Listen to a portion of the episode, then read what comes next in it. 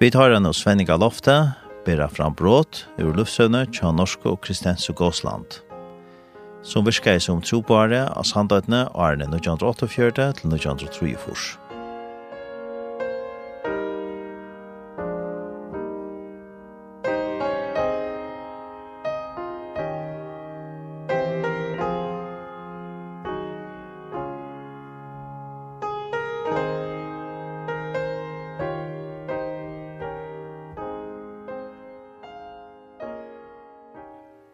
norska bømlo kvinnan som halga i sandegar falt i løvsøyt.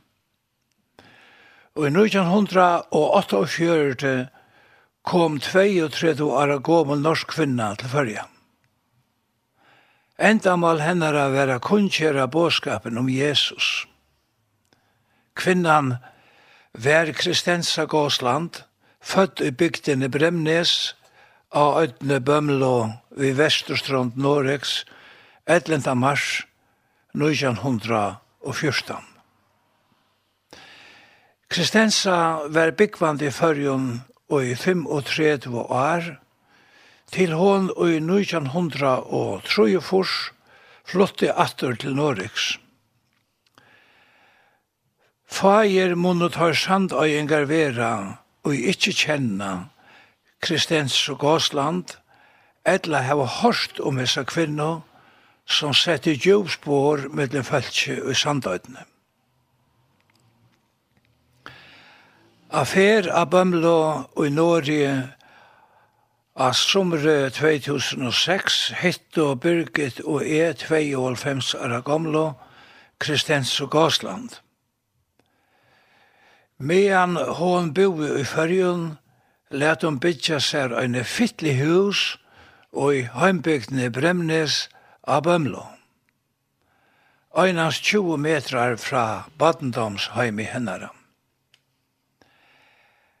Her boi hon einsamøll og i einan frialion og nottur og vøkrun omkvarve og i ikkje minneshørst om føreska bygdaløyve. Ta i norsk og landnavnsmennene tåg land og bosettest her i Øtjenon – var hetta tøyande marknaskjæl og i føresko bosettingar søvene. Anna marknaskjæl var, da skoengren Sigmundur Brestusson kom ur Norge og fyrir fyrst og fyrir boa i kristendomen uti i Tinganes. Og i 1835 gjør det skåten William Gibson Sloan sutt kristna landnam i fyrjun. Hesar og ærar Londons hendingar heva haft ståra averskan av kristnes søv og fyrja. Øysene var det andalit marknaskjæl fyrir sandøyingar, ta og i norska Kristensa Gåsland gjør det sutt landnam og i 18 og i 1948.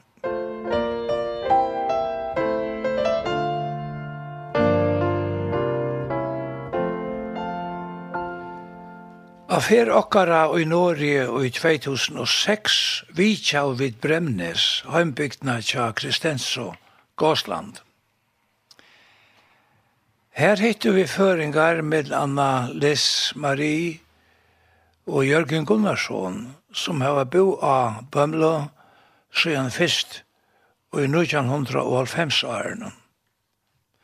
Men jeg vidt var inne tjatt heimun prata av vid om kristna samkommet verket her i Ødne. Da var det vi fra Tøymon fikk vi vita eksistensa gåsland bo i her av stenen. Vi vilde fegin vitja eksistens. Jeg er hitt henne nekra ferer, men hun virker som tro på her i samtøyden. Eina ferie var Johannes Øregård i Foglaferie og E i Sandøytene, og hadde utefund. Og leier det, vi hadde utefund i skåpen, kom og tver kvinner av utefunden. Ikke øyne seg lusta, men fire er standa sama vi okkon og stol okkon.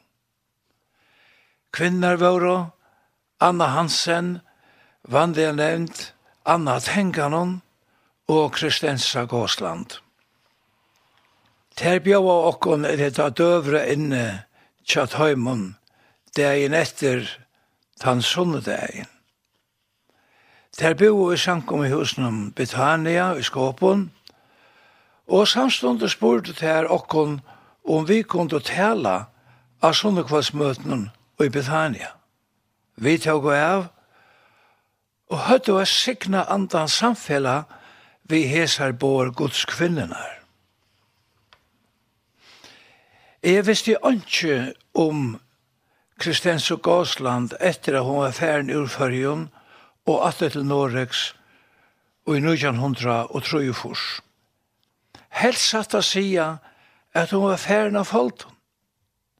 Men vi fratt og så at Kristensa vær ta og i 2006 enda løyve og bo i ønsamøtl og fytli i husen, søgnen og i heimbygdene Bremnese av Bømlo.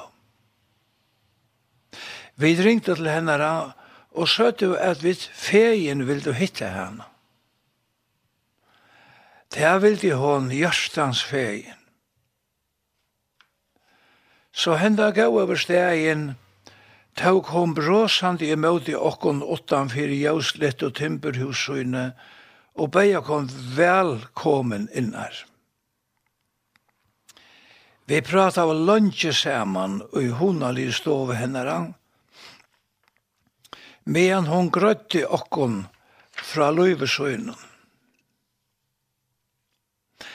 Etle var færre at bodja hesa 2,5 og halvfems ara gomlo, tænast og kvinno herrans. Men hon var tå orvækjen og likamsevne var rettelig gau. Hon sier fra Imeskun i samband vi landnamsfersøyna til Ødjanar vestri i heve, er etter 17 hansbardea og om langt og tøysøyna i fyrjøn. Foreldre hennara var Guds öttande folk. De sauna og saman vi øron og i evangelisk og samkommende klippen og i bremnese av bømlo.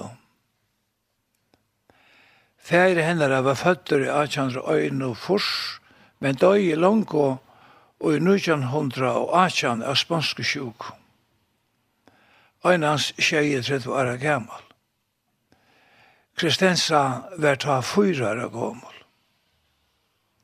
Spanska sjuka gikk ta om Atlanheimen og tunte fløyre millioner mannaløyv.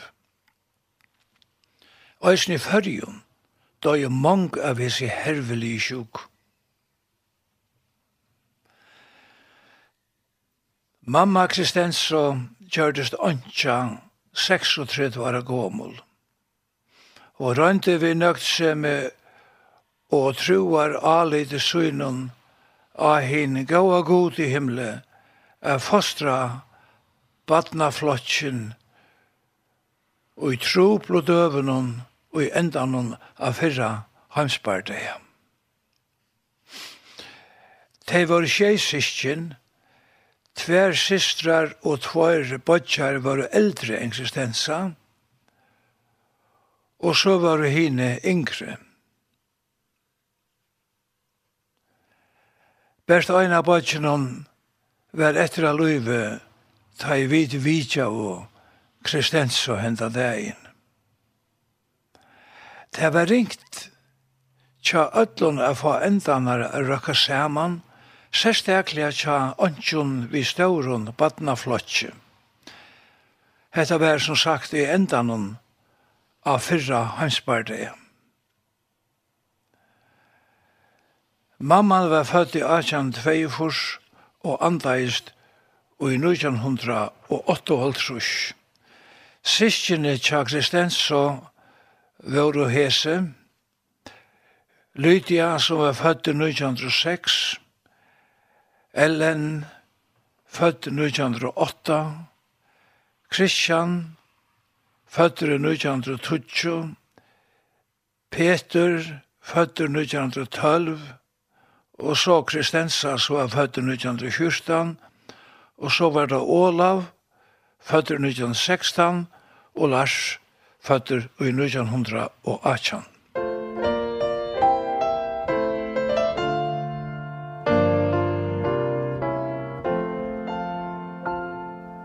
Jeg tror at du miste mannen, og hei seg stør og apert av badnaflotje søgnen. Så kom Olvar Semi at merke høyme. Og æsne luttlo Kristensson, Lange og hon før i skolan. Men bådskaperen om Jesus, som hun i høyma ved hus, tja mamma søyne, og i samkommende i Bremnes er bare avvokst, og kom at eikjenna alt loiv hennara. Som ble ung jenta kom Kristensa til tryggva Jesus. Vær endur fødde vi en livande tryggv av frelsara. Tryggvina av Jesus var sjálfsagt som mauer mjölkjen. Hon hørte mammona tralega bia om dagligt brei til sine kære bøtten. Almanna hjelp var avkjent fyrbrygd i Norge og så i førjen ta. Anker og feirleis måtte klara seg ved hjelp fra gode og gavun følts. Som ble ung kjenta kjente Kristensa at liv hennara var dyrabart at de best øyne fer skulle liva hetta stutt av holderløyv. Tøy kjente hon alvar seg med av, at han rødde om at nøyta tøyina ratt fyrir gode og himle og fyrir menneskje.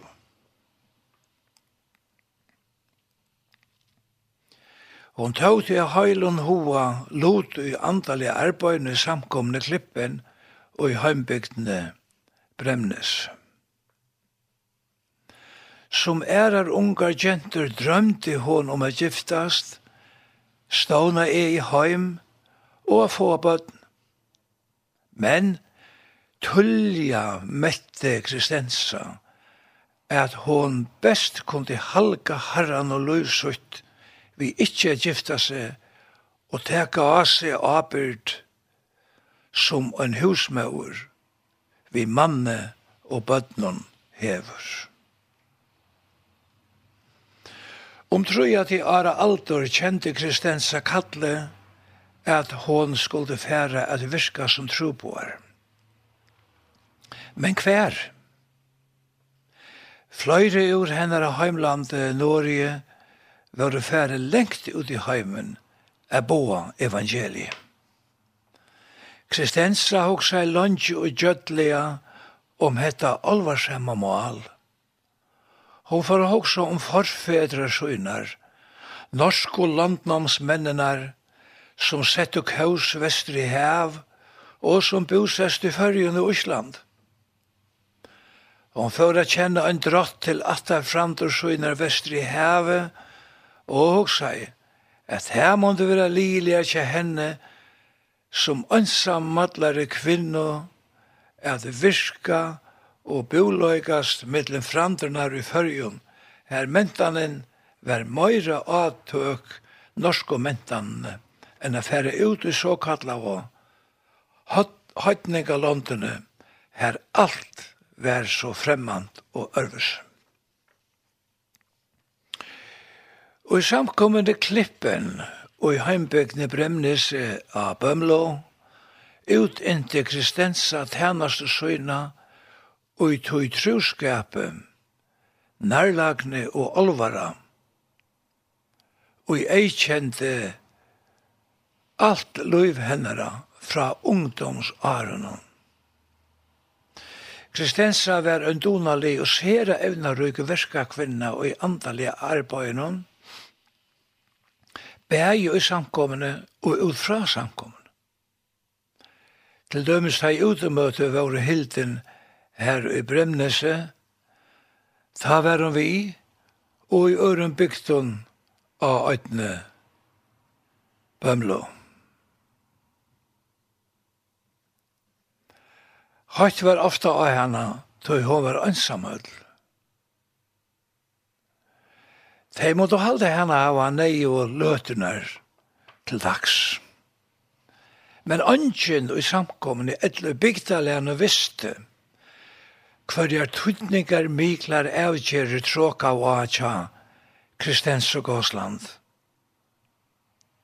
Hetta, ønsamøll, er færa til fyrja, er tæna god. Mamman og jeg fikk fyrsta vita om avgjør hennare av for til fyrja av bo evangeliet, tog vel og imøte fra bånene til døtrene, og stia i henne og i avgjørene. Sjøene grøtte Kristensa tøymane samkomne fra avgjørsøyne. Det søtt då at jeg skulle bia fyrir henne. Samkomman klippen og i Bremnese hei öll årene samband vi Kristenso, bau fyrir henne og stola og henne fortjallega medan hun var i fyrjun.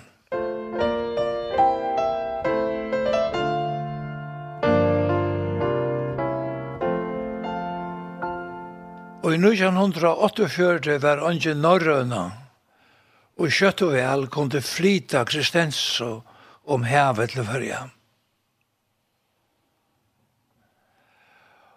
Hon kom vi i en fraktskipe ur Norge.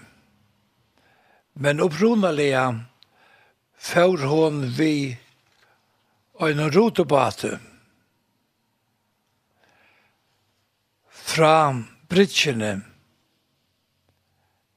her som vit vi jo vil tvei, og i 2000 og seitjan løtt og et, ta i vid skipa en affær vi Atlantic Mission til Ødna, Bømlo. Ta vær brøversoner Kristensen, Kåre Gåsland, Hotler stovol i fire og vitjanne av Ødne, saman vi føringen her. Han minnes som unger tandegin i 1900 og 48 ta i Kristensa för til fyrjar. Hennara kæra og komin saman av bridgene i Orangsvåg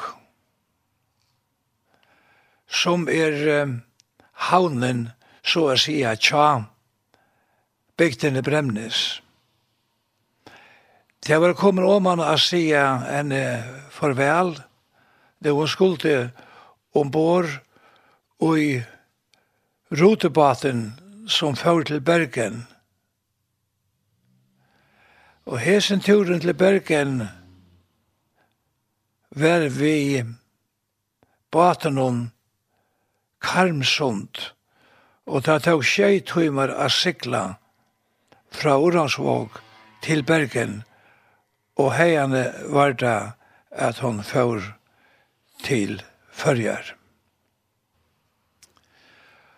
Og jeg minnes det at Kåre Gåsland, Brauersson og Kristensson, to som var akkurat hjelpar med vår, som jeg nevnte,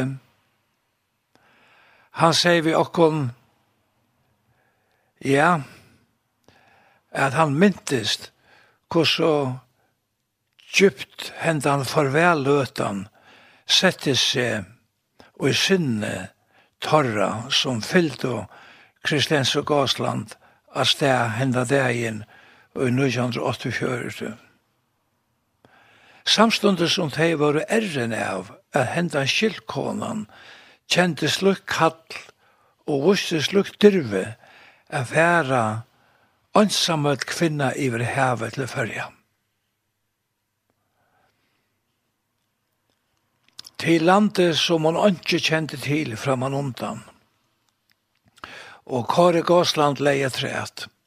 Og nu er det tid kommen ur fyrjon og så må ørenden er boa Jesus. Jesus Det er som ørende som Kristensa fører til følger vi for så mange og æren søgjene, og ikke børst her. Tid letja jo vel tvei at vi er så som og her i Orangsvåg, som vi stå hindi her inn, og i 1948, ta jeg seg i papasystre munne farvel, saman vi samkommo og bygdar følse okkara. Kristensa kjente norska trupåaren Arli Lund som tar virka i fyrjun sama ved kone Ragnhild, og taimon, trimon bøtnon torra, øynon dronje og tvaimon jenton. Kristensa skriva til Arli og seie honom fra Atlantsøyene jeg koma til fyrja. Han bei Kristensa evra velkommen og seie at hon kunde byggva tja høymon.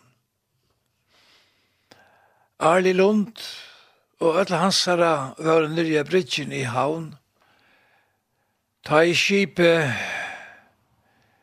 vi kristens og leie eit, og tei öll tauko og imóti henne. Tei tåg sær æsne vel av henne. Hon fekk innevist oppi av loftunnen og evangelihusen henne, her er det lunt, og husk hans er bo om hetta mund.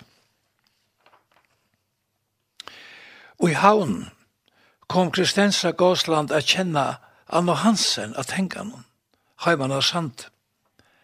Ter på gjørdes vinkoner og samverka kvinner, og i hesson antallige arbeidene. Boar avgjøftar og under somolovskåren, Anna var arbeidskjenta tja fru Brent, kono Arthur Brent i havn, som var høysalemaur og handelsmauer. Kristensa og Anna valgte å fære til Sandiar, er virka fyrir herran. Jeg får inne her, vær lattare sagt enn gjørst. Men lærdomren ur Guds øttande badendomsheimenon av bømlo og dagliga bønar samskift i hennare vi herran, kom og henne til gauar og i heson, og så mongon øren føre med en og viskai og i fyrjon. Ein dag i medan hon struttest vi har fa innevist, har man a sante, Minnes Kristensa tøyelige skriftåret og hun fekk som bøgnløys bønarsvær fra herren. Og det er ur salme 8-trus tjei. God djever hinon ønslige hus. Og hun fikk eisen i hus.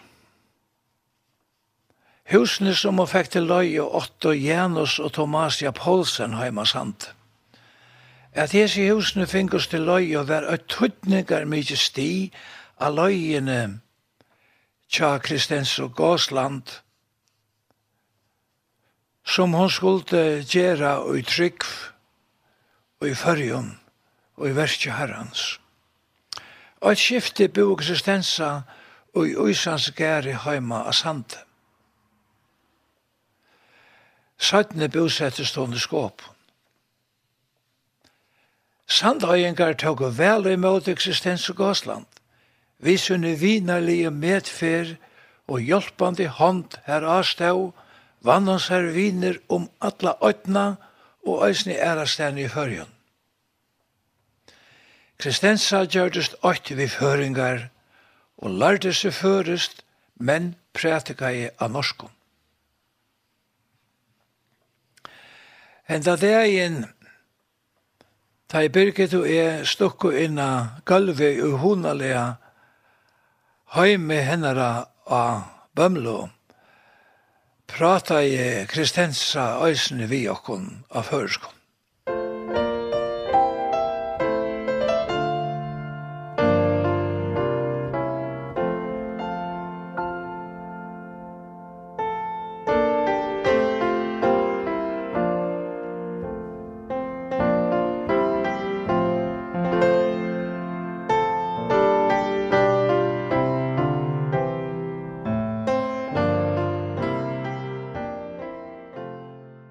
Sama vi andra tenka noen for eksistensa under det hava kristelige funder og imso bygden noen og i sandøytene. Omframt, vanliga funder i imiskun løyehølun og i vore til taks til dømes låsjen i asante, så høttet her på øysne badnafunder. Kristensa hei badna tokka, og tog tyrstus bøtneri om hana, ta hei badna møte og han tog gittaren fram og spalte veløykante, tar kjente og badna sanjene som til dømes, veien ut til krossen tjekk han fyre med. Ute funder våre og ta ter fingo vidtjønner havn. Kristensa og Anna spalte gittar og sangeren jauma i indeslia. Kristensa spalte i òsne orkul. Mennesker samtingar og nu er vaksne menn og kvinner minnast Kristens og Gåsland fra torre tøyene ta hon hei møte og badna møte sama vi anna tenkan. A aldrandi døvun hei anna tenkan og tilhalda eldrabøylen a gjereskær i Skalavøyk. Birgit og e hava vitja inn a gjereskær ta i vid er og komin til Skalavøykar her trøst Anna vel. Alt er en feien om ta i tei og kom og a gott a gjerrisk er a søtte vi hana. At det kjente henne fra torre tøyene ta i tei kom og a badna møte til henne og Kristens og Gåsland. Folk og er kommet opp i årene minnes vel til jævla vasslenar fyrir bøtten og i Anna og Kristensa og Onnor platva kipa fyr. Og i dele hei Kristensa møti innetja Fride Johannesen i Rotthus, som let og dittnar inn i heimsøyt, så husmøte kunde vera innetja henne. Kristensa platte ta a spela på et orgel som Frida heie og i stovene. Og i skala vi ikke var i mange år badnamøte, og møte inne til Sigrid og Paul og Nicodemusen og Hamre, som hadde innrettet høli i kjattlaren til møtesel. Men jeg byrget jo i hendan det i en tås av eksistensson, kom tydelig at det skjøntar hvordan gav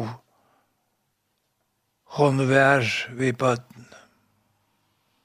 Hon sier at det var bøttene som lærte henne før skal male.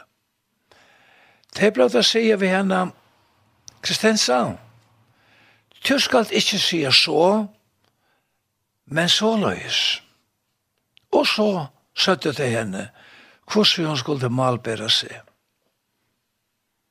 Ta i ein merker hvordan større plass bøtten har haft, og hjertet hennara og hvordan i indeslige han områr bøttene, så skiler han enn betur, at det ikkje vera bedre tilvild, at bøttene flokkast om Kristens og Gåsland, og komme til bøttene funder hennara.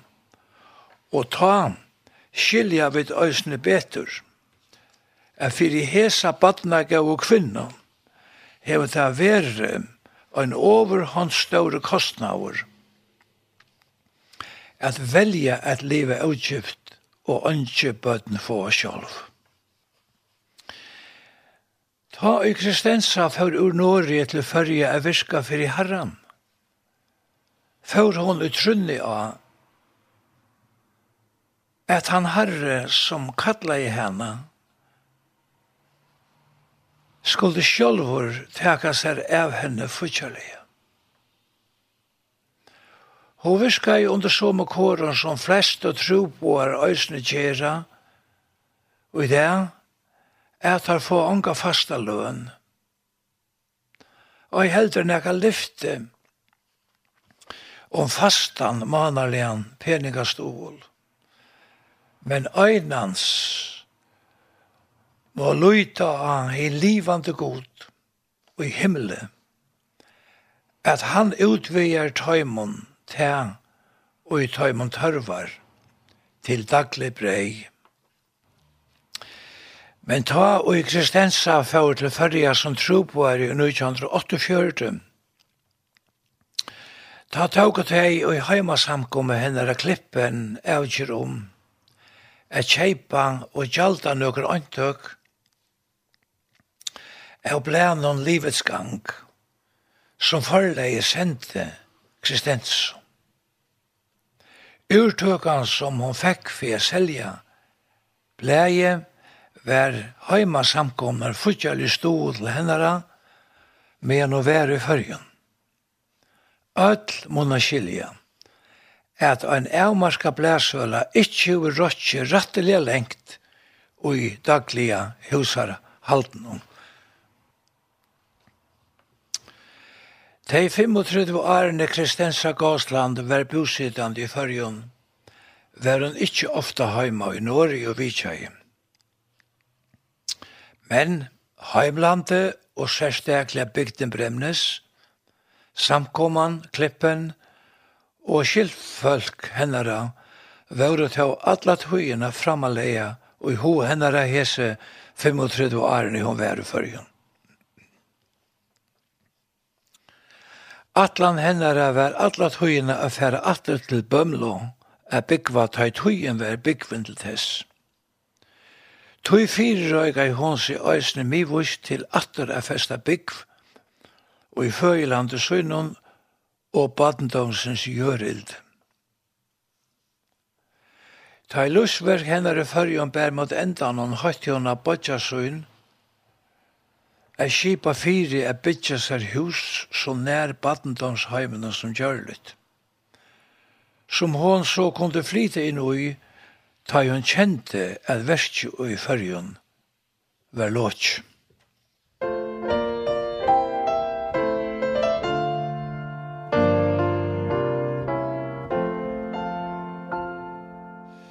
Medan vi sitter inne i hundalig stovne, tja Kristens og Gåsland, sutja vid myndir ur fyrjun av vetjunum. Og medan hon omrøver til mange åren i hon boløykast til sandøytene, ta merkist alskeren til sandøytene og sandøyingar, og føringar annars. Ta er ans og røtten gjerst restaret hai hon bråsande malte. Jeg hei 35 gau år i fyrjun. Ta var ein gau tøy, og i tau ofta bær nekstrøy visser. Men æsene sikrar. Mengan vær futjalia trångt som er, men Herren som kattla i meg var trofastur så er mer ångant og fatta i staglet brei. Ta vidjan okkara inni tja Kristens og Gåsland luger fram mot i endanon, og vi skulle skiljast fra henne. Kjemer hon vi okkon utfyrir dyr, er sier okkon farvel og etter ryk og samvere løtene. Jeg ber Kristens å tega bøyblene viss her ute i tunen, og halda bøyblene oppe mot de brynkene, medan det tåg og en mynd av henne utanfyr. Just henda mynden etna i sera vel, og er et kart minne at øya etter Kristens og Gåsland. Kristens be okon hjertalige halsa öllum heima i fyrja, som kjente og myntust hana.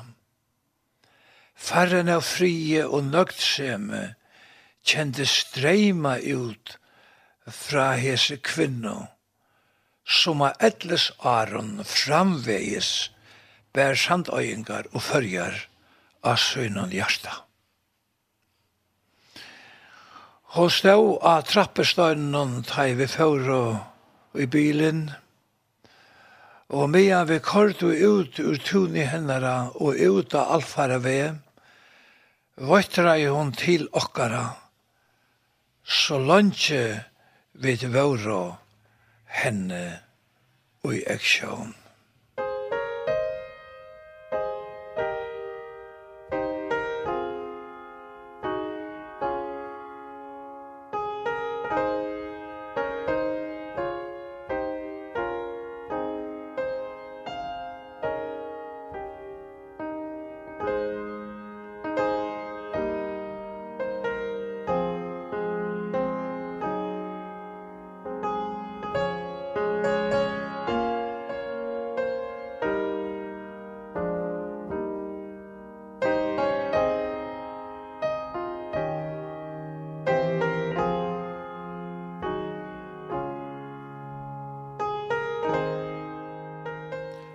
Og så gjerne fer jeg lesa en hending som en skåpninger ber fram.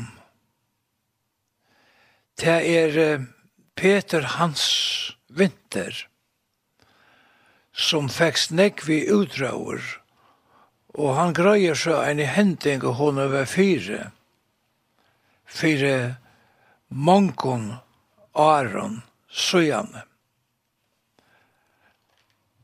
Hetta som vi leser stå i sandportalen og til Terje Dalsgård sale som ikkje må i middelen okkara som skriva i hettar og grøyer fra i seg hendingene.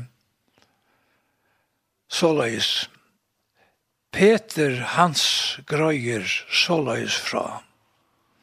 Jeg platt alltid å være a møte tja Kristens og Gåsland – i Betania. Og hon var så gau vi med, men hon var øysene gau vi öll. Hon var så våre menneska. Jeg var a møte til henne hverja øynast og fer, og jeg kund. Vi dro ut vi einan 35 fæut stauran bat i skåpen, fyra mans vi løgna, Så det var ikke alltid at øyne i tog affæra møtt. Og i langre tog hei vært sera luiti av fiske av få av og så vær tja okkon øysene. Og hetta held fram og i fløyre dagar her ønskjern batur fekk neka. Men det var rå ut korsen. Medan vi nu litja og dreja søgnasta stampen, få vi en triva lian kalva av. Og jeg vet ikke, men uh, brøttelig kom til at Hilmøyen av dekkenen at jeg skulle djeva Kristens og Gåsland henda kalva. Jeg sier så i mannen stendt ved ruttlene at henta kalvan skal jeg heva. Nei, sier han. Han helt at han skulle hava kalvan. Nei, nei, sier jeg. Jeg skal tjeva kristens og kalvan. Mævere vi ruttlene gjøtta med kalvan, ta han høyre messia, er kristensa skal hava kalvan. Jeg fikk så kalvan, kroti han og vaskai han med av sildo et land. Da vi kom til lands var Ole Johan Laberg av kajen. Ole Johan gikk i avnene i Betania. Jeg sier så vi Ole Johan om han ikke kunne bære enda kalvan igjen til Kristens. Jo, det var gammel noe, sier han. Tog han for nian her korsten. Jeg får så til huset ledja meg, klarer atter til nasta dag. Her vi skulle til utdrag klokkan fyra sattna parten, dagen etter. Og dagen etter tar jeg er av ved åman av kajina, ta stender Kristensa vi vakle. Hon takkar meg så hjertalega fyrir kalvan Men hun legger så raman til at to Peter Hans skal få han velgålna attur. Men det sier vi Kristenso at det var ikke tøy at jeg gav henne kalvan. Jo, legger hon at træt, tu skal få han velgålnan attur. Vi får så til utrører, og ønsken bater visste nekra steir affæra til ønsken var få. Men, vi sett dem, og får oss så at dreie. Men jeg halte jeg batane fink og freier i hendet deg. Men vit fingo heile 600 pund. Og hetta vær ein tan beste dæveren vi gjørdo oi lenka tøy.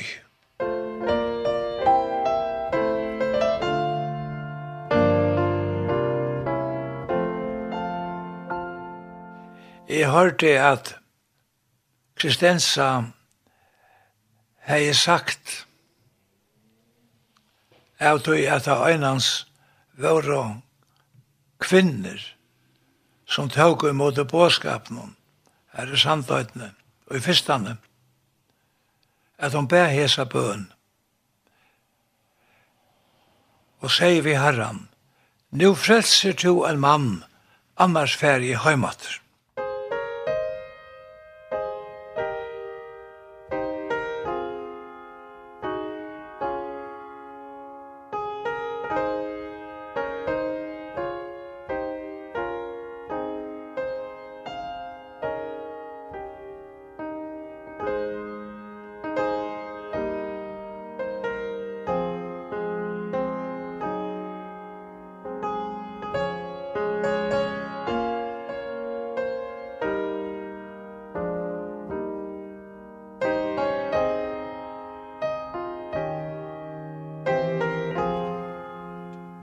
Vi tar då Svenniga Lofte, bera fram brått ur luftsøvne tja Norsk og Kristense Gåsland. Som virker som trobare av sandøytene, Arne 1948 til 1934.